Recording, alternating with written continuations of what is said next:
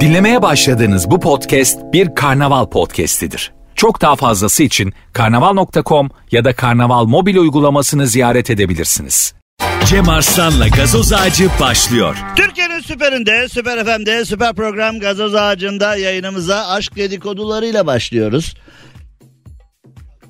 Rafet Gür boyundan büyük işlere kalkışmış.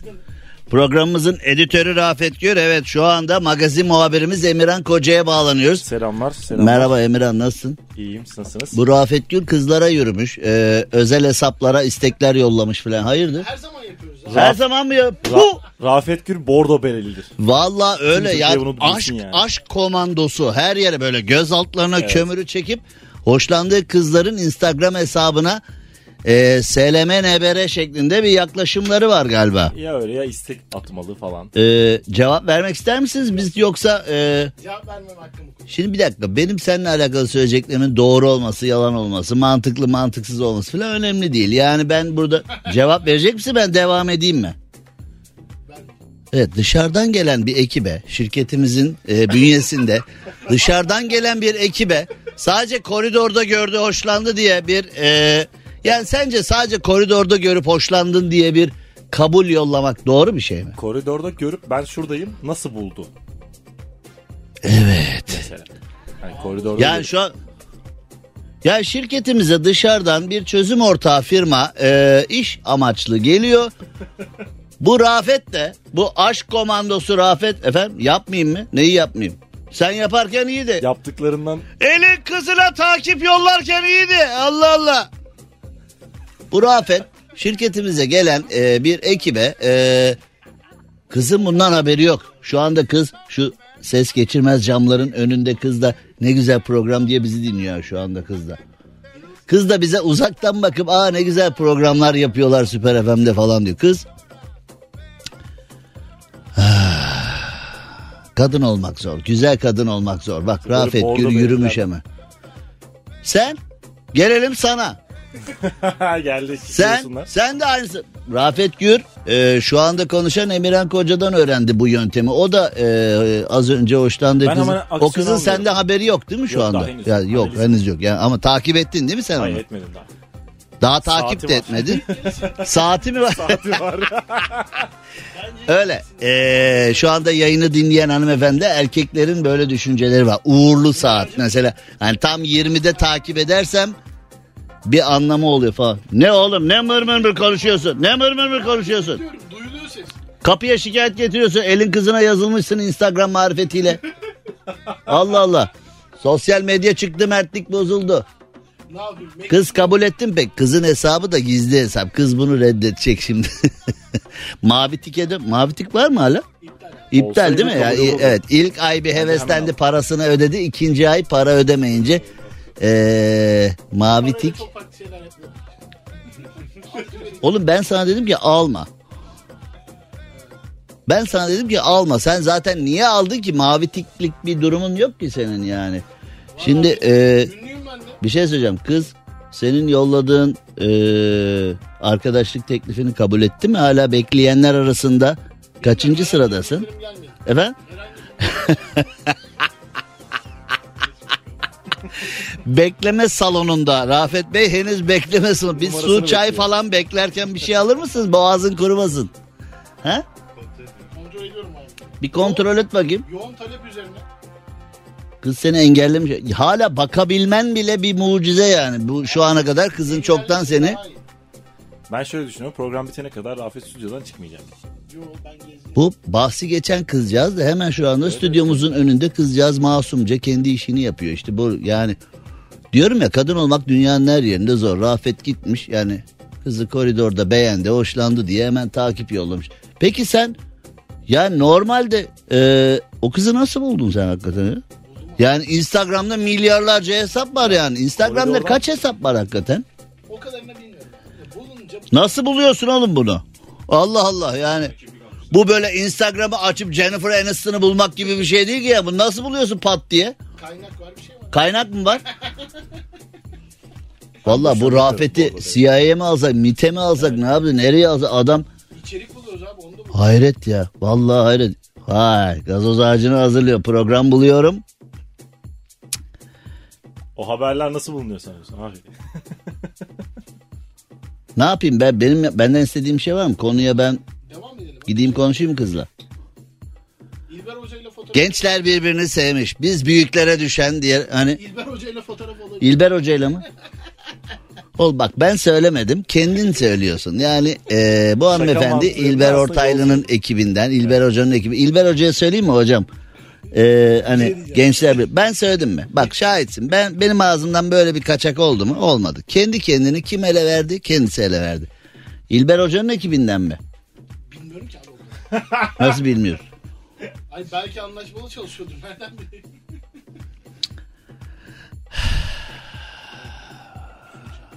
Biz bu arkadaşla program hazırlıyoruz Emirhan. Yani bir- bir- yani Ama işte isteyince arayınca nasıl bulduğu belli oldu hemen yani. Vallahi ya milyarların arasından hoşlandığı kızın hesabını tak diye bulup bir de kabul edilme isteği yollamış.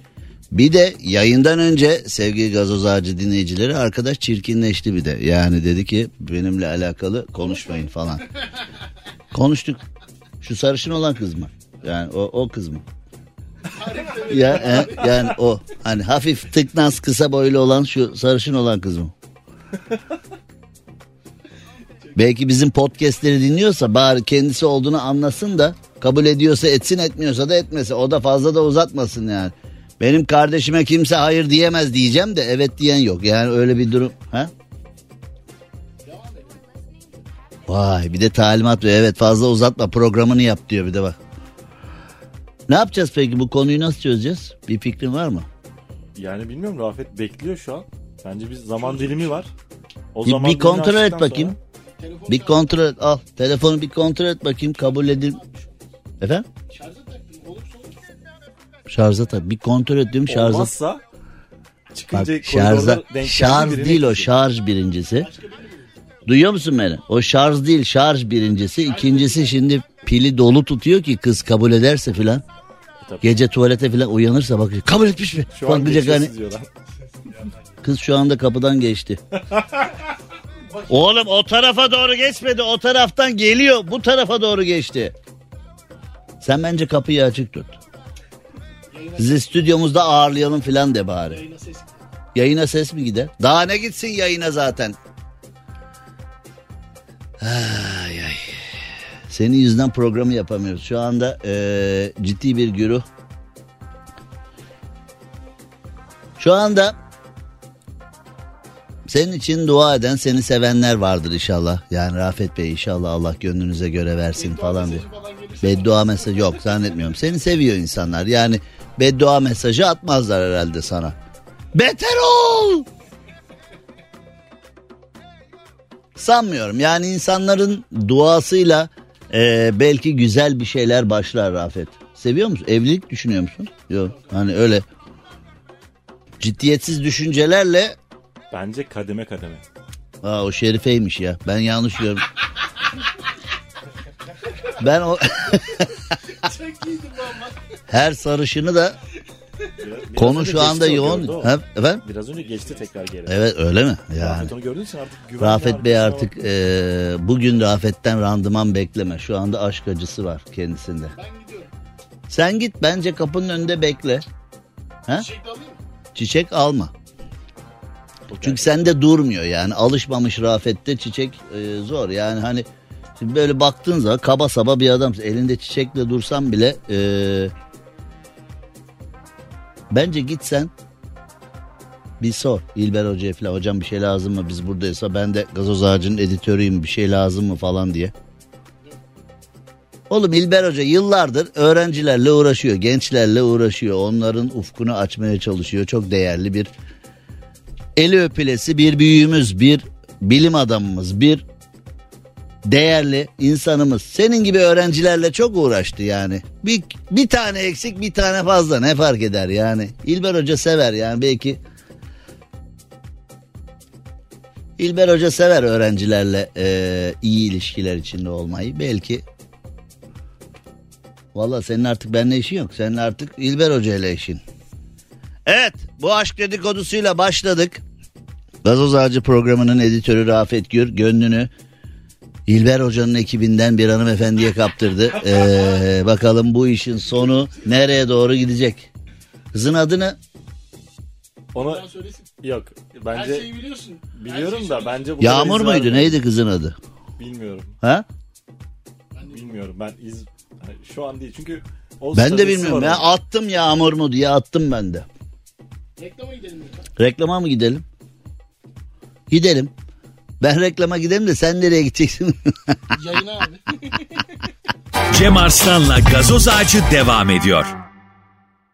Türkiye'nin süperinde, Süper FM'de yayınımıza devam edelim ve e, Rafet Bey'in aşk dedikodularıyla alakalı yeni gelişmeler oldukça sizlerle paylaşacağız. Evet hemen kaldığımız yerden devam ettiğimizde yurtta ve dünyada neler oluyor diye şöyle bir baktığımızda Amerikan Başkanı Biden'ın köpeği gizli servis ajanlarını ısırmış.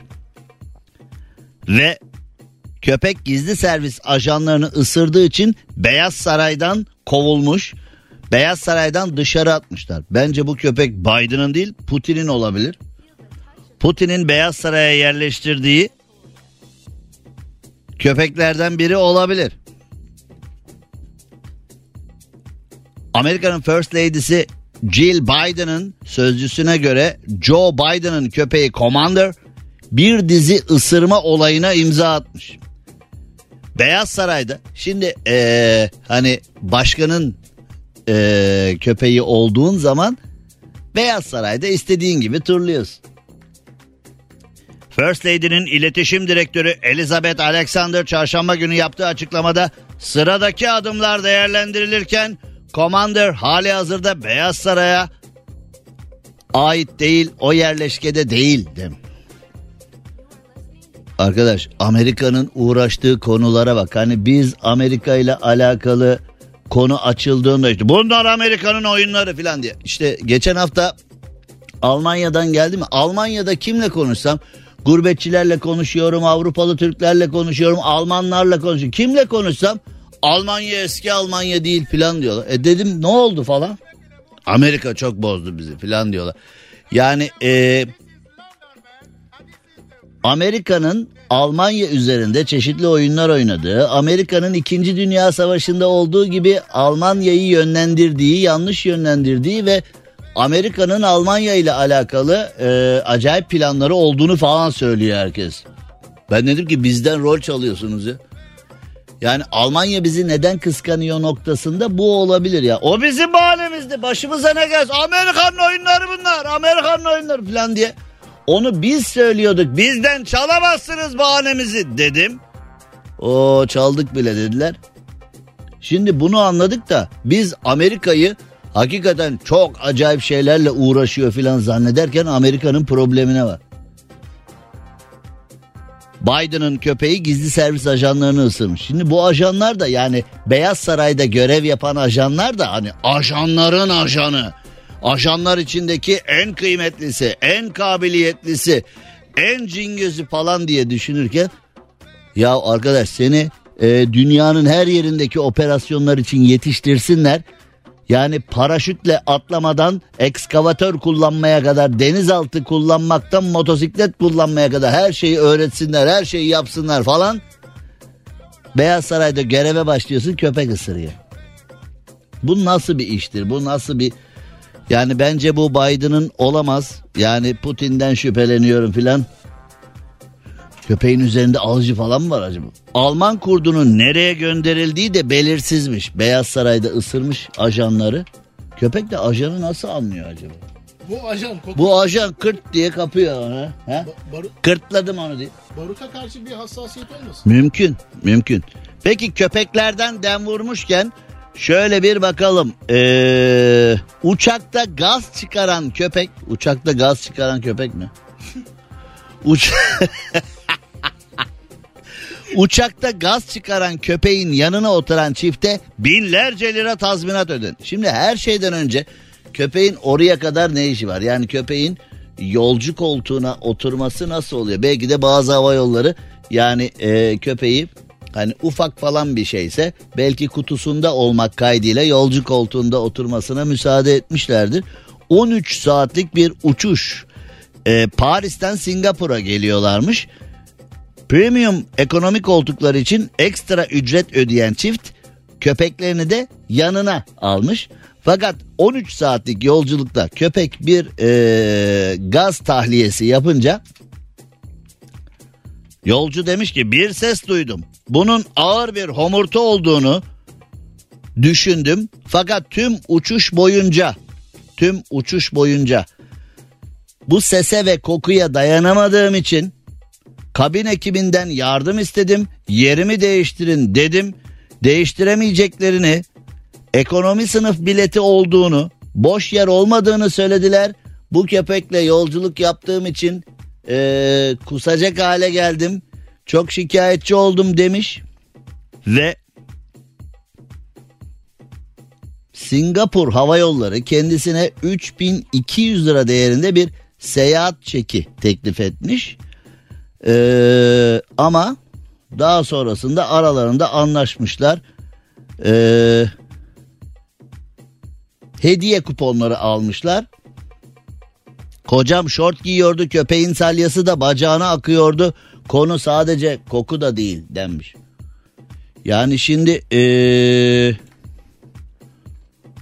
kabul edilemez bir şey demiş ama ee, hava yolları iyi bir hava yolları ciddi bir hava yolları eminim ki yolcunun bu şikayetini ee, memnuniyet noktasına kadar inceleyip e, yolcusuna bu konuda gerekeni yapacaklarmış ama bildiğim kadarıyla evcil hayvanları uçakta yani bunu bir tam olarak bilmiyordum. Ekstra parasını ödeyip yanına alabilir noktasını tam bilmiyordum. Ne olursa olsun e, evcil hayvanlar için ayrılmış ayrı bir yer var. Orada sanki seyahat ediyorlar gibi.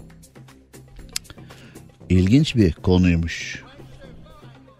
Ama neyse ki konuya muhatap olan hava yolları iyi bir hava yolları. Onu çözerler diye düşünüyorum ama neler var neler.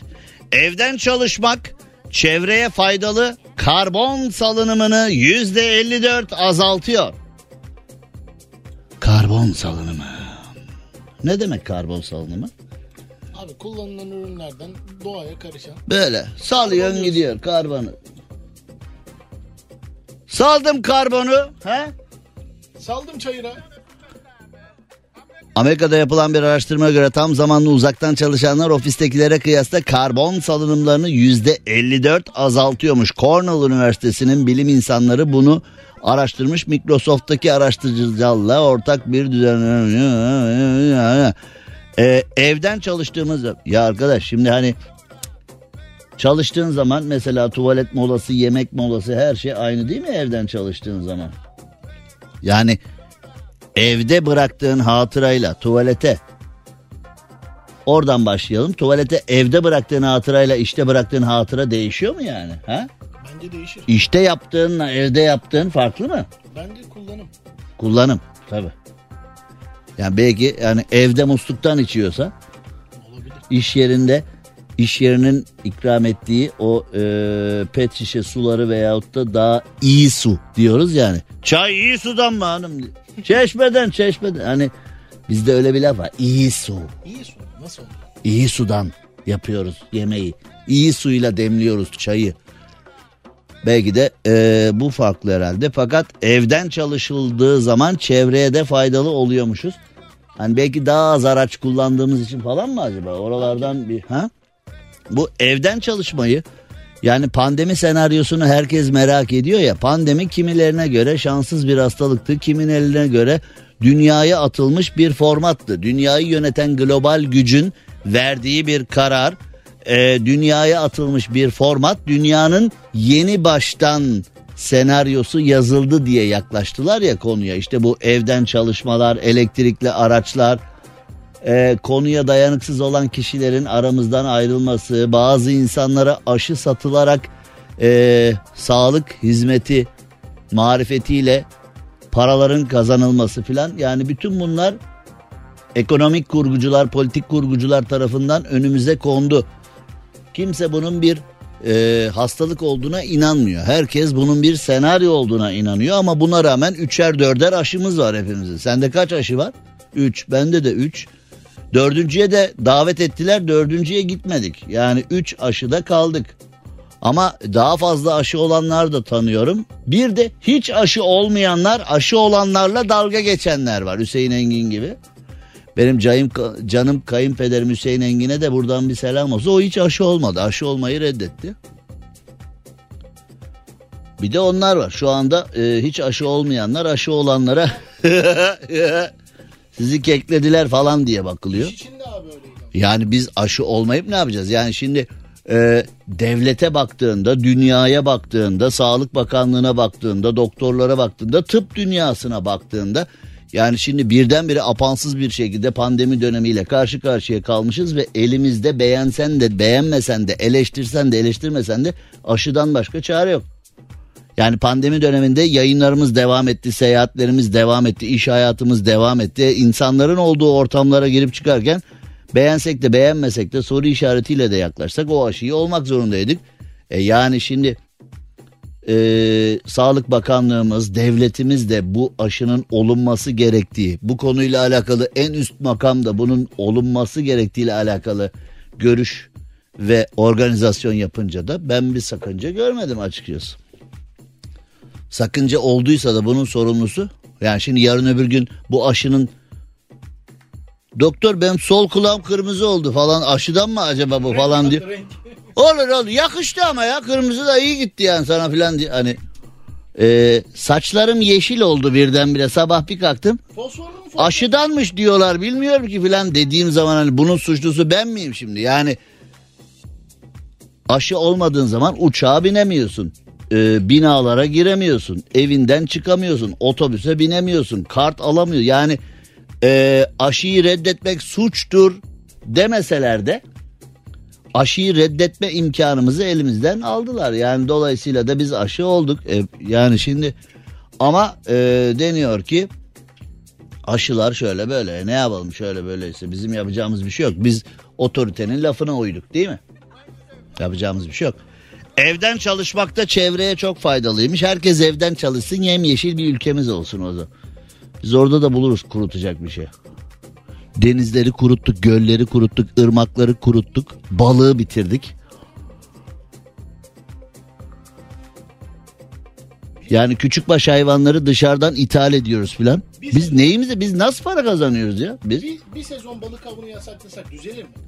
yani e, bence düzelmez. Yani öyle bir sezon iki sezon balığı komple yasaklayıp filan. Ya balık avını yasaklamaya gerek yok ki balık avını daha insani şartlarda yaparsak dünya standartlarında yaparsak hakikaten onların da birer canlı olduğunu onların da birer e, yaşama alanı olduğunu filan saygıyla karşılarsak yani hani böyle e, seninki kaç santim falan diye böyle e, şeyler yapılmıştı. Kampanyalar yapılmıştı. Lüferlerin palamutların büyüklüğüyle alakalı kaç santim olması gerektiğiyle alakalı. Onlara filan riayet etsek hiçbir problem olmayacak. Ama biz hiçbir şeye uymuyoruz. O efendim balık niye yok? E sen denizlere olan sorumluluğunu yerine getirdin mi ki denizden balık talep ediyorsun? Denizleri mahvettin, denizleri kirlettin, doğayı kirlettin, toprağı suyu kirlettin. Sonra diyorsun ki vay efendim domates niye yok, patates niye yok, balık niye yok? Deniz niye kirli, göl niye kurudu? Dereler, nehirler niye kurudu? E yani. Ay, ay. Şimdi bizim bir kısa ara vermemiz gerekiyor. Ardından e, devam edeceğiz. Şimdi bu e, Amerikan başkanının köpeği ajanları ısırmış ya. Amerika'da e, bu köpeklerle alakalı skandallar bununla bitmiyor. Biraz sonra e, bir diğer skandala geçeceğiz ki Amerikan filmlerinin senaryo matematiğine de şöyle bir bakacağız. Daha sonrasında Fransa'ya geçip e, ilahi adalet diyebileceğimiz bir konuya bakacağız. E, kısacık bir ara verelim ardından devam edelim. Dışarılarda yüzde seksene yakın bir trafik var. Trafiği dert etmeyin biz buradayız. Süper Efendi, süper program Gazoz Ağacı devam ediyor. Cem Arslan'la gazoz ağacı devam ediyor. Türkiye'nin süperinde, süper FM'de, süper program Gazoz Ağacı'nda yayınımıza dev- devam edelim. Şimdi dünden seken bir konu var. Fransa tahta kurularının e, işgali altında. Onun bugüne seken bir tarafı var. İlahi adalet diyoruz biz buna. Şimdi Fransa teröre verdiği destek, Türkiye'nin eee, aleyhine yaptığı çalışmalar, şunlar bunlar ve bir de bunları hiçbir haklı temele dayandırmadan sadece Türkiye'ye eee, terslik olsun diye yaptığı bir sürü hikayeler var. Zaten terör örgütü PKK'ya verdiği ve çeşitli eee, Türkiye ile alakalı konularda yaptığı ters davranışlar falan eee, bir ayarım bir Fransa'ya. Fransa'ya bir ciddi ayarım yani bu eee, bu konuyla alakalı zaten tarihten kalma gıcıklıklar bende var zaten. Yani eee, sevgili abisini Güneydoğu'da eee, kaybetmiş bir insan olarak yani bu konuda zaten teröre verilen destek oldukça canımı sıkıyor. Ama Fransa'da şimdi tahta kuruları şehri ele geçirmişler. Evlerde, otobüslerde, her yerde tahta kuruları varmış ve Fransa tahta kurularıyla alakalı eee köpekleri kullanacakmış. Ee, Fransa'da tahta kurulardan dolayı bazı okullar kapatılmış. Bazı otobüs seferleri e, iptal edilmiş. Bazı binalardaki tahta kurusu e, saldırısından dolayı tahta kurusu mevzusundan dolayı ilaçlamalar veyahut da mücadeleler yapılacakmış falan. Ee, böyle işte. Böyle işte. Yani netice itibarıyla altı boş iddialarla ortaya çıkarsanız altı boş e, saldırılar yaparsanız yani bu işte e, böyle oluyor. Okullar kapatılıyor birçok şey oluyor ve e, köpeklerin de çilesine bak arkadaş. Fransa'da köpekleri eğitmişler. Köpek tahta kurusunu bulacakmış. Oğlum tahta kurusunu öyle aramaya gerek yok. Bakınca görüyorsun zaten. Yani hani ha? İlginç de bir konu. Paris metrosu tahta kurusuyla. Bir şey söyleyeceğim. Paris metrosu zaten yani eee, demirden çelikten değil mi? Tahta kuruları eskiden bildiğim kadarıyla adı üstünde yani tahta kurusu tahtayla ilgili değil miydi yani? Raylardaki tahtayı çöküyordu. Raylardaki tahtaya mı çöküyor acaba diyor Rafet. Oğlum sen aşk acısıyla ne dediğini bilmiyorsun şu Doğru anda. Yani. Hepsi demir metroyu niye yiyorsun? Sen tahta kurusu değil misin? Metroyla ne işin var? Tavanı yiyordur belki. Tavanı evet e, tavan döşemesini falan yiyorsa yani Destekli metro değil, yani aslında sefer iptal edecek kadar değil yani raylar duruyor da e, ahşap aksam e, biraz sıkıntı. Güneş enerjili Zeppelin dünyayı dolaşacakmış.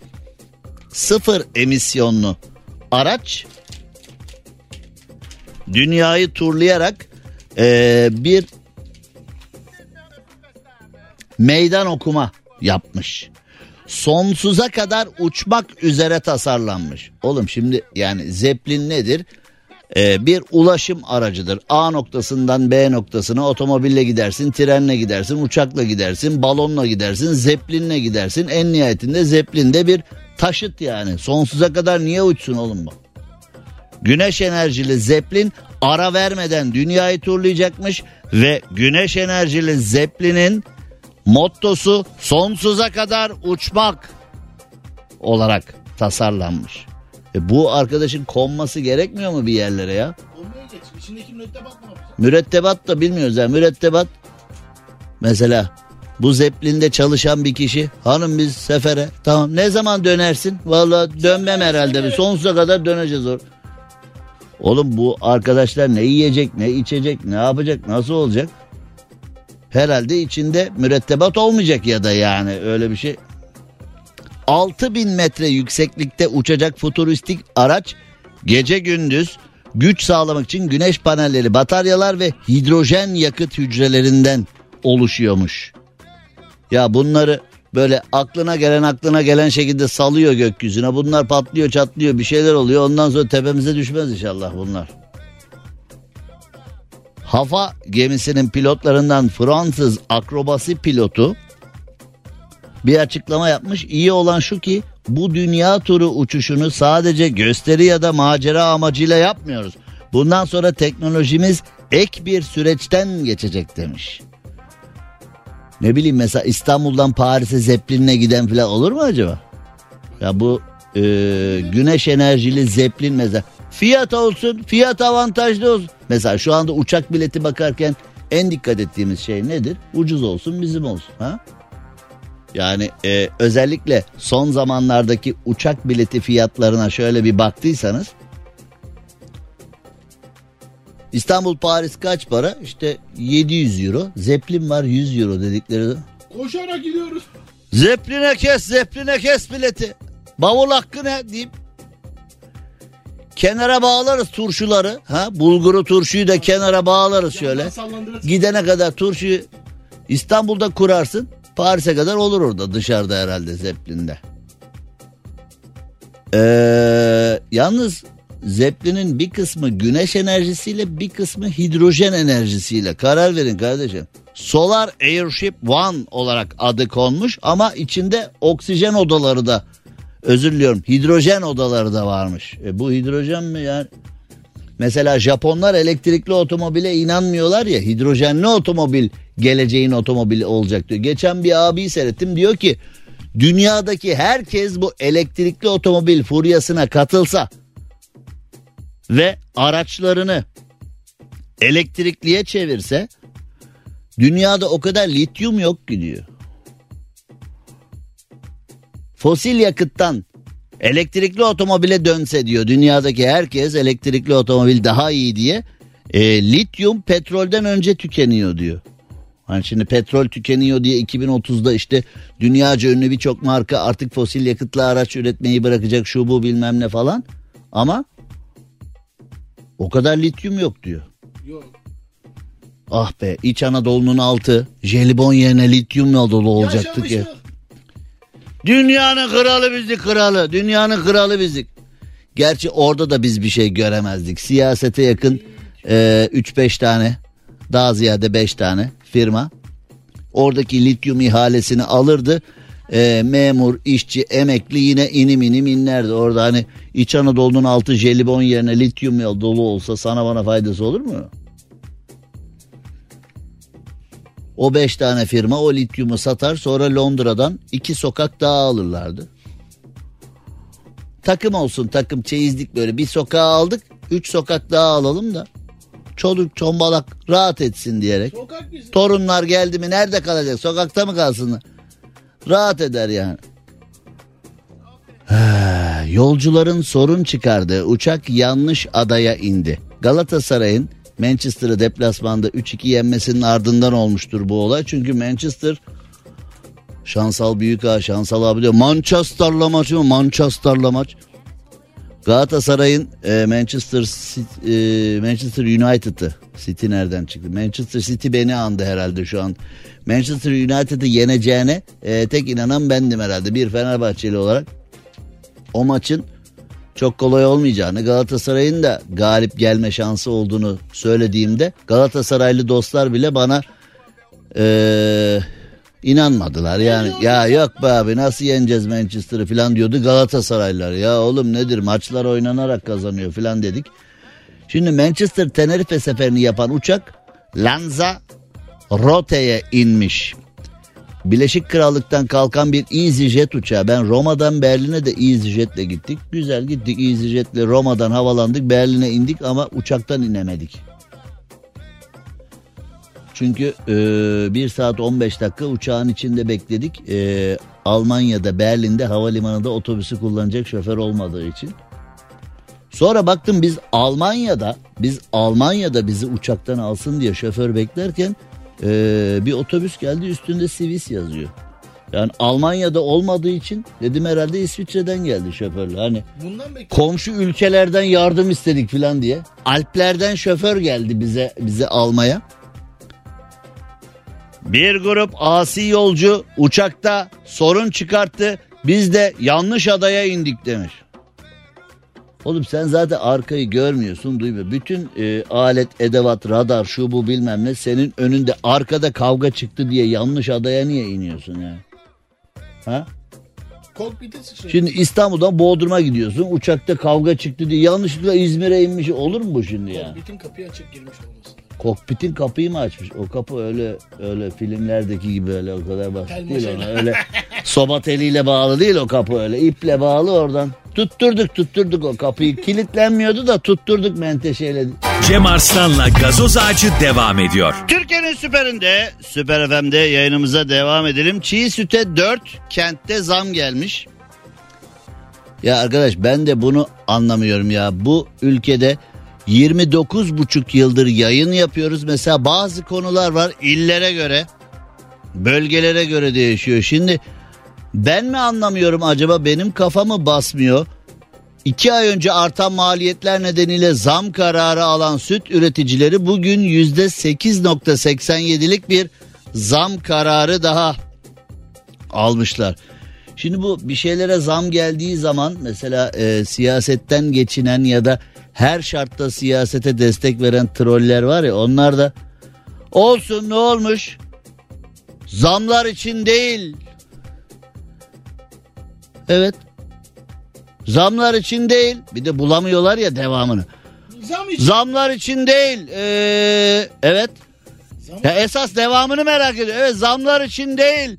Ee, biz e, e, az sonra cevaplayacağım bunu ben diye hani artık sokak röportajındaki troller de bazı şeyleri cevaplamakta zorlandılar. Hani bizim derdimiz zamlar bizim derdimiz euro kurları falan değil filan diye öyle şeyler atıyorlar ya ortaya. Mesela ya işte euro 30 lira oluyor endişeleniyorsun yani iktidar veya muhalefet için değil vatanın milletin çoluğun çocuğun kendi geleceğin için endişeleniyorsun. Mesela sana kızıyor ne oldu çok mu sevindin dolara euroya zam geldi diye ne oldu laf söyleyecek şey mi buldunuz filan diye. Mesela ya oğlum e, ne iktidarı ne muhalefeti e, memleket zora düşüyor vatandaş zora düşüyor bizim derdimiz bu falan diyorsun. Ona da tantana eden var. Yani bazı vatandaşın eee hakikaten ben büyüye falan inanmam ama yani bazı vatandaş profilini görünce bunları hipnotize etmişler herhalde. Büyülenmişler falan gibi düşünüyorum. Şimdi eee dört tane ilimiz eee, çiğ süt satış fiyatını arttırmış. Eee, 8.87'lik bir zam kararı gelmiş. Süt de o kadar önemli bir şey ki yani süt değil mi? Yani temel gıda maddelerimizden bir tanesi aşağı yukarı yani e, kendisini bizzat tüketiyoruz. Birçok tatlı da var, yoğurt da var, e, birçok üründe var. Yani sütün o kadar çok kullanım alanı var ki yani e, yakıta zam geldiği zaman, süte zam geldiği zaman günlük hayatımızda bunu çok ciddi hissediyoruz yani. E, sütün içinde olduğu o kadar çok şey var ki. Ya biz nasıl sütün bizde musluklardan akması lazım ya. Ya ben delireceğim. Yani e, et süt yumurta buğday bunlar yani bizim ülkemizde bitemez tükenemez ya da bu konuyla alakalı böyle kriz lafıyla bir araya gelen bir sistem kuramayız ya. Ama yani süt sıkıntısı nasıl çekeriz ya memlekette? Buğday sıkıntısı nasıl çekeriz memlekette? O ata tohumları filan ha ne oldu belli değil. Yani biz işimize gelince İsrail'e laf söylüyoruz filan. İsrail'den domates tohumu, buğday tohumu filan aldık. Hibrit tohumlar falan aldık. Yani İsrail'e one minute şu bu filan diyoruz ama niye İsrail'le e, bu anlamda bir e, ticaretimiz var? Bunu anlamak mümkün değil. Yani Konya ilimiz kadar Hollanda bizim kat be kat fazla e, süt ve süt ürünü üretimi yapıyor. Biz nasıl oluyor da yapamıyoruz? Ama e, tarım konusunda ama işte bunları söylediğin zaman sana ne artist? İşine var işine. Artist sana mı kaldı memleketin sütü buğdayı? falan deyip e, bana kalsa keşke bana kalsa musluklardan akar. Yani şehir suyu yerine şehir sütü akıtırım ben oradan. Ama e, maalesef bana kalmıyor. Keşke bana kalsa yani tarım hayvancılık filan keşke bana kalsa ben var ya ee, o kahvelerdeki abiler böyle bak anarşikler azmışlar yine bu var ya bu var ya bak bana bir ay verecekler bana bir ay orduyu verecekler hepsini sıfırlarım falan diye. Öyle abiler var ya öyle insanlar var ya yani ben de ona döndüm biraz. Bu Tarım Hayvancılık Bakanlığı'nı bana versinler var ya musluklardan süt akıtırım ya. Canım kızım Ayda geldi babasını ziyarete stüdyoya. Şu anda e, ilgi dağıldı. Eskiden ilgi banaydı şimdi birdenbire Ayda'ya ilgi gitti. Pentagon'da büyük skandal. Şimdi skandaldan önce şunu söylemem lazım. Ee, sinema televizyon noktasında dünyanın en üst düzey eğitimi Amerika'da verilir. Amerika'da verilen sinema eğitimindeki en önemli konulardan bir tanesi de senaryo matematiğidir. Yani Amerikan evet gördüm Ayda'yı. Senaryodaki senaryodaki matematikte hep şu vardır. Amerikan filmlerine dikkat ettiğiniz zaman hep kilisede geçen bir sahne vardır. Hep bir aile ortamı vardır. Hep bir Amerikan bayrağı sahnesi vardır. Köpekle alakalı bir sahne vardır. Yani bayrak, kilise, aile, köpek gibi olaylar e, mutlaka senaryonun bir yerlerinde vardır. Çünkü Amerikan kültüründe bunlar çok önemli yer işgal eder. Amerikan filmlerinde kilisede geçmeyen hiçbir sahne yoktur. Muhakkak bir yerlerde bir kilise sahnesi, köpek sahnesi. Şimdi köpek bu kadar önemli olmasına rağmen Amerika'nın en önemli mevzusu Pentagon e, köpek dövüşü yasa dışı Pentagon köpek dövüşleri düzenlemiş. Ya bu nasıl oluyor arkadaş? Yani Pentagon denen mevzu Amerika'yı korumakla görevli. Beyaz Saray ile Pentagon arasında, CIA ile Pentagon arasında ömür boyu bir çekişme vardır filan. Yani Amerika için sen mi daha önemlisin, ben mi daha önemliyim filan diye hep böyle didişirler Pentagon'la CIA falan. Aynı Pentagon yasa dışı köpek dövüşü yapmış. Ve Pentagon içinde yasa dışı şekilde köpek dövüştürenler derhal yakalanmışlar ama tabi Amerika'da da şöyle bir mevzu var. Yani ee, konunun üstünü örtmemişler. Yok yok atıyorlar. Köpek dövüşü diyorlar atıyorlar. Pentagon'da öyle şey olur mu ya? Pentagon burası ya filan deyip böyle bir şey. Evet vardı yakaladık derhal paketledik derhal tutukladık derhal derhal gerekli cezayı verdik noktasına gelmişler. Bizde olsa yo adı geçen kişiler tatilde olduğu için öyle bir şey yapmış olamaz. Mümkün değil falan deyip konuyu bazen kapatma noktasına geliyorlar. Oralarda da böyle şeyler var. Evet kabul ediyorlar ve gerekli cezayı verdik diyorlar. Ama Amerika'da Pentagon'da böyle bir şeyin olması gerçekten çok ilginç. Bir de yapılan açıklamada şunu söylemişler. 20 yılı aşkın. Ya arkadaş Pentagon'da yani bir sıkıntıyı 20 yılda tespit ediyorsa 20 yıldır merdiven altı dövüşler köpek dövüşleri 20 yıldır yapılıyormuş ve Pentagon bunu daha yeni yakalamış. Hadi hayırlısı bakalım. Hadi hayırlısı bakalım. Ayda gel kızım. Ben çok konuşuyorum. 30 senedir konuşuyorum. Gel biraz da sen konuş. Ayda. Babasının sözünü dinlemeyen asi kız. Ne diyor? Anne hayır gitmeyeceğim. Anne hayır mı diyor? Gitmeyeceğim. Kızım sen bu mikrofona konuşmanın avantajlarını bilsen buradan çıkmazsın stüdyoda. Cahil kız işte daha iki buçuk yaş daha bilmiyor. Daha bilmiyor bu bu mikrofonun nimetlerini daha bilmiyor. Şimdi Aykut Kocaman biz Fenerbahçelilerin çok sevdiği, çok saygı duyduğu, futbolunu çok eleştirdiği ama karakterini her zaman çok takdir ettiği bir insan. Ünlü Türk düşünürü Aykut Kocaman ne demiş? Gerçeklerin ortaya çıkmak gibi kötü bir huyu var demiş değil mi? Aykut Kocaman bunu söylemişti.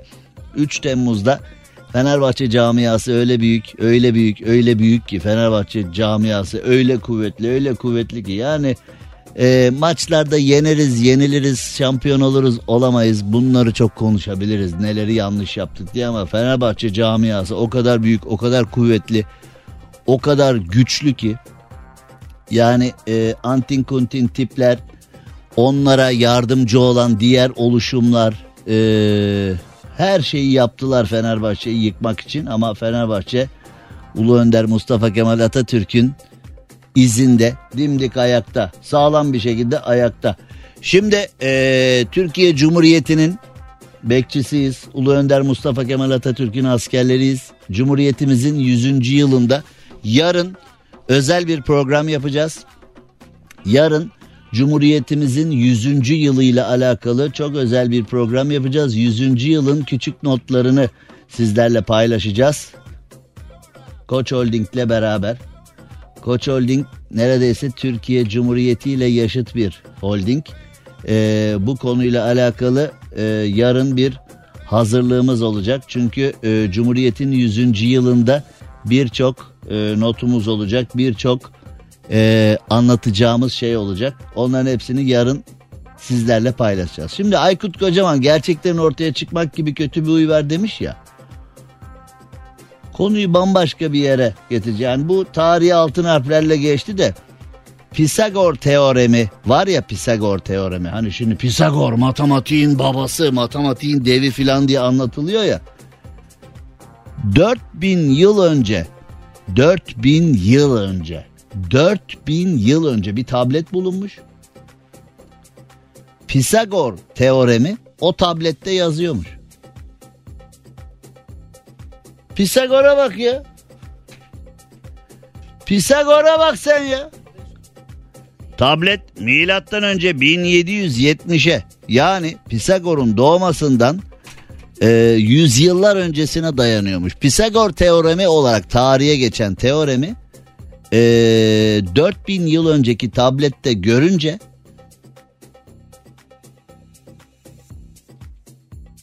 Şimdi bilim adamları şaşırmışlar. Acaba Pisagor oradan mı gördü falan diye. E, iyi de Pisagor o zaman yani şimdi bu bir denk gelme olabilir. Çünkü Pisagor'a da hani vay tabletten araklamış meğerse teoremi falan dememiz de çok mümkün değil. Çünkü ben de Pisagor yani Pisagor teoreminin bu derece tarihe geçeceği, bu derece matematik biliminde önemli olacağını da Pisagor bilmiyor ki. Pisagor çalışmış. Yazık rahmetli olmuş gitmiş. Yani adam bunu çok iyi biliyorsa o tableti bulmakla tarihe geçerdi yani. ha? Adam o tabletleri bulunca tabletleri kırayım, lağıma atayım, içindeki teoremi alayım. Teorem bana yazsın, başkasına yazmasın. Benim. Daha internet yok, bir şey yok. Kimse bilemez. Kamera yok, cep telefonu yok. Kim nereden bilecek? Tabletleri atayım deyip tüh attığım yerde de bulmuşlar deyip.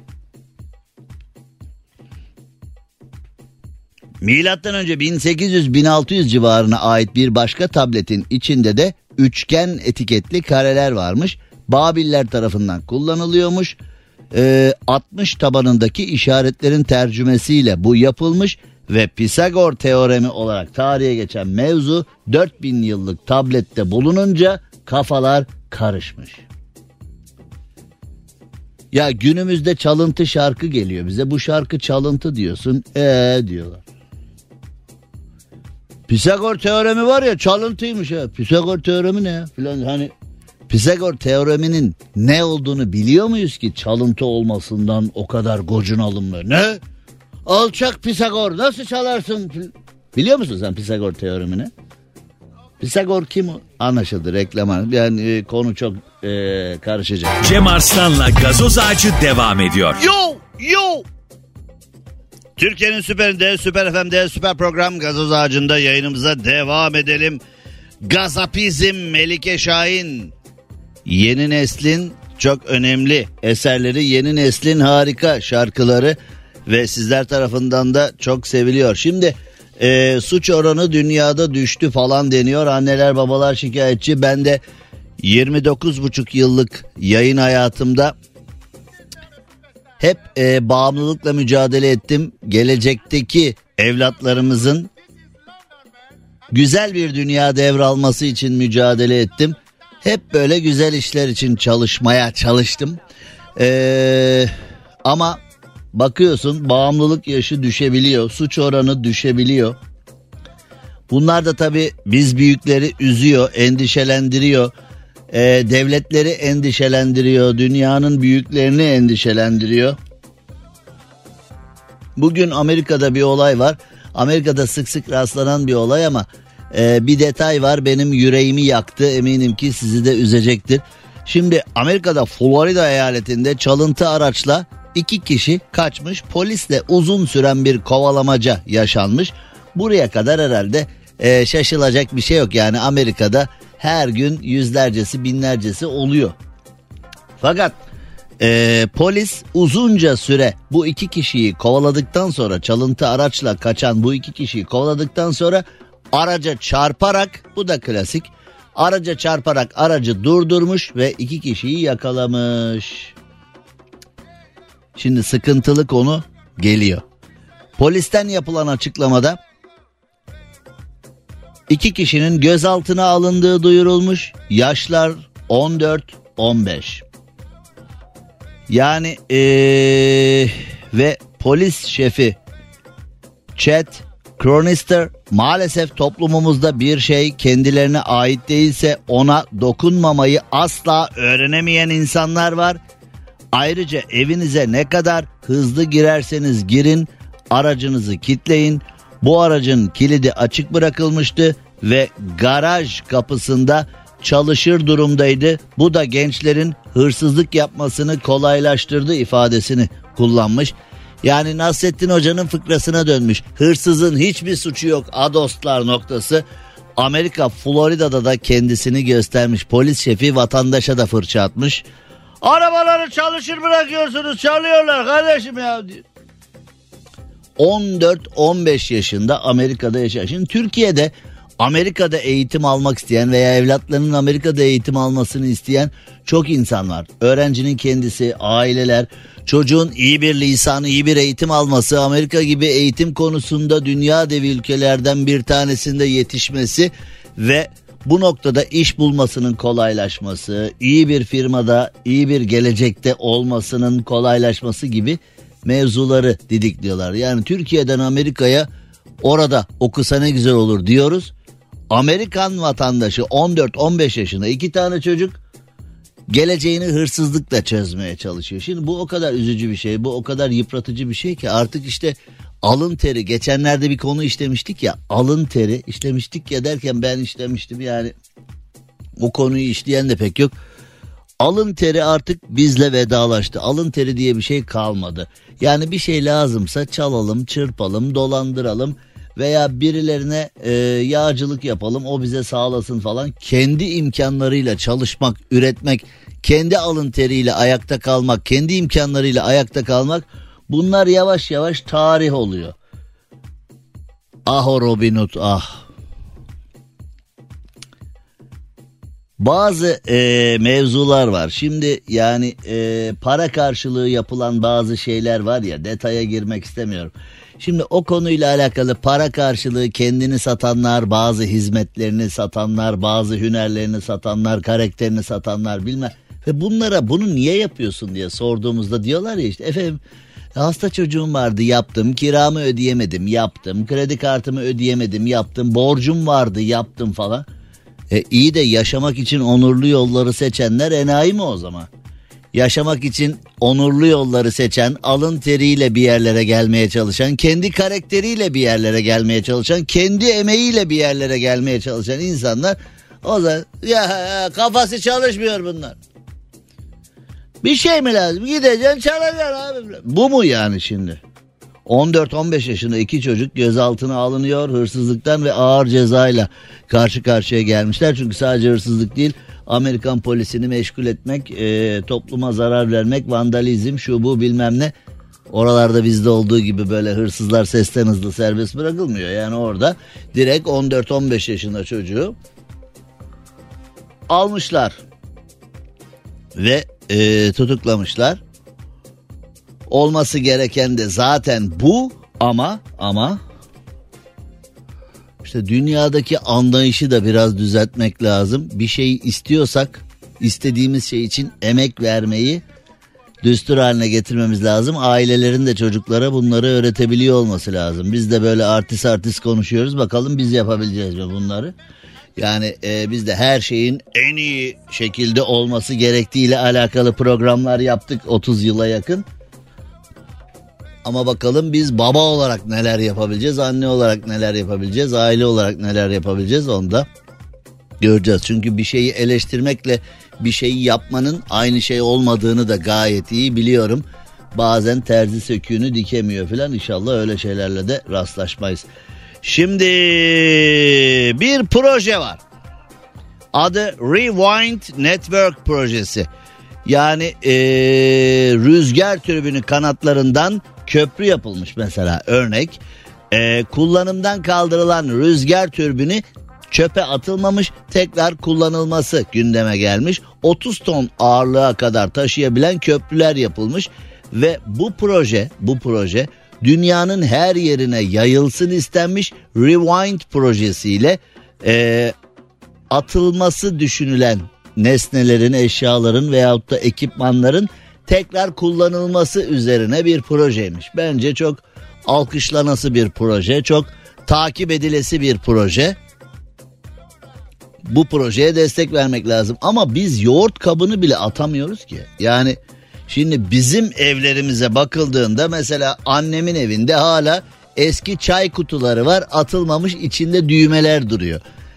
Ee, bir ayakkabı alınmış ayakkabı kutusunun içinde yok yok o değil yani bizdeki yani bizde biz düzgün insanlarız bizdeki ayakkabı kutularının içinde e, fermuar var böyle e, pense tornavida falan var yani bizdeki ayakkabı kutuları gerçek amacıyla kullanılıyor. Şimdi e, biz yoğurt kabını bile atamazken biz bu geri dönüşüm projesine nasıl katılacağız? Yani bizde eski yağ kutularına sardunya dikilir, çiçek dikilir. İşte yoğurt kaplarına bir şey konur. Dondurma kapları vardır. Annen dolma yapmıştır giderken yanına verir. Dolma köfte verir. Zaten onlar olmasa aç kalacağız herhalde. Annemizin verdiği köfte yapmıştım biraz da size koydum filan diye. Börek yapmıştım biraz da size koydum. Turşu yapmıştım biraz da size koydum filan. Annemizin verdiği o yemekler ol. Açız aç aç. Biz hiçbir şeye atamıyoruz ki. Bu projeye nasıl katılacağız bilmiyorum. Yani e, herkes bir düşünsün en son neyi attım diye. Vallahi düşünemez. Şimdi Almanya'dan gelirken kendime bir ayakkabı aldım. Ee, kutusuyla getiremedim diye. Yani böyle etimden et koptu. Ayakkabı kutusunu atmak zorunda kaldım falan diye. O kutu bana lazım. En kötüsü de ne oluyor biliyor musun? Mesela sen şimdi bir ayakkabı alıyorsun kutusu duruyor. Kalsın ya para mara koyarsın içine. Sen şimdi o ayakkabı kutusu durduğunda birisi soruyor ya neye lazım bu? Cevap veremediğin an var ya. Ya da mesela bir şeyi atamadığın zaman diğeri soruyor sana. Ama neye lazım at gitsin diye. Yok yok atma lazım olur dediğinde neye lazım bu? Diye sorulduğunda apışıp kalıyorsun ya. Ee, şey ney? Neye lazım bu? Niye atmıyor? Neye lazım? Ee, şey ney?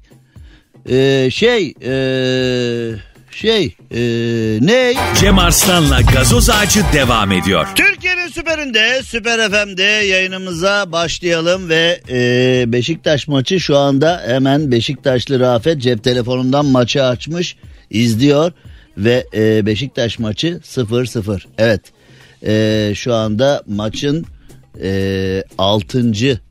dakikası filan galiba değil mi 6. dakikası filan e, Beşiktaş şu anda 0-0 Beşiktaş'a başarılar diliyoruz. Saat 22'de e, Fenerbahçe'mizin maçı var. Ona da başarılar diliyoruz. Türk takımları bu sene harikalar yarattılar. E, böyle giderse eğer nazar değmezse böyle giderse şampiyon olan takımın direkt katılmasını bir kenara bırak.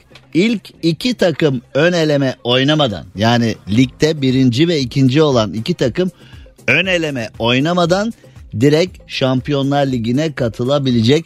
Bu sene Türk takımları harikalar yarattılar hepsi.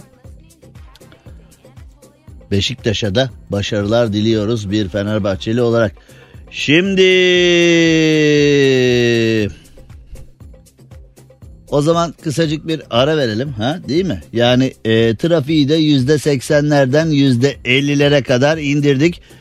Neticede e, trafikte dikkat ediyorum hep şirket araçları var. Yani benzini şirket ödeyince şirket aracı candır diyen ha? Şirket aracı harika. Şirket aracı güzel mevzu. Şirket araçları e, var yani benzinini, sigortasını, MTV'sini kendi ödediği insanlar kullanmak için değil satmak için aldılar ya bir ara araçları. Yani bu konuyla alakalı da piyasayı kendi e, ritmine e, bırakmadık. Çünkü e, bırakılmaması da lazımdı. Bir ara ikinci el fiyatlar birinci elden daha pahalı. Ha? İkinci el araçlar sıfırından daha pahalı hale gelmişti. Bununla mücadele edildi. O konuda da biraz gerilemeler var. Şu anda ama trafikte baktığımda sağda solda hep böyle şirket araçlarını daha fazla trafikte görüyorum. E, bu da tabii maliyetlerle alakalı bir konu. Şimdi kısacık bir ara hemen geliyoruz. Cem Arslan'la gazoz ağacı devam ediyor. Türkiye'nin süperinde, süper FM'de, süper program gazoz ağacında yavaş yavaş sona geliyoruz. Yarın Cumhuriyetimizin 100. yılı dolayısıyla bir özel program yapacağız. Cumhuriyetimizin 100. yılında neler oldu, neler yapıldı aşağı yukarı Cumhuriyetimizle aynı yaşıt olan e, Koç Holding'in hazırlıklarıyla bizim hazırlıklarımızı birleştireceğiz ve yarın Cumhuriyetimizin 100. yılıyla alakalı çok özel bir programa imza atacağız. Yarınki programı kaçırmayın derim. İstanbul'da akıl almaz bir olay var. İstanbul'da bir kişi ikinci kez motosikletini çalmaya kalkışan hırsızı yakalamış, streç filme sarmış. Şimdi streç filme buraya bir virgül atıyorum. Streç filme normalde neyi sarıyoruz biz? Yani bozulmasını istemediğimiz şeyleri değil mi? Hani mesela peyniri yedik bir kısmını. Şimdi peynir o kadar kıymetli ki yani bozulması bozulmasına filan tahammülümüz yok. Kilosu 300-400 olmuş. Yani şimdi streç filme sarıyorsun. İşte e, gerçi streç filme saracak bir şey de bulamıyorsun ki streç filme niye lazımdı? Eskiden yiyeceği içeceği bol bol alıyorduk eskiden. E, bir kısmını yiyorduk bir kısmını da streç filme sarıyorduk ki bozulmasın bir sonraki sefer yiyelim. Şimdi zaten öyle e, saklayacak kadar kalabiliyor mu ya bizde? Yani kalamıyor ki zaten neyse ama streç filme neyi soruyoruz?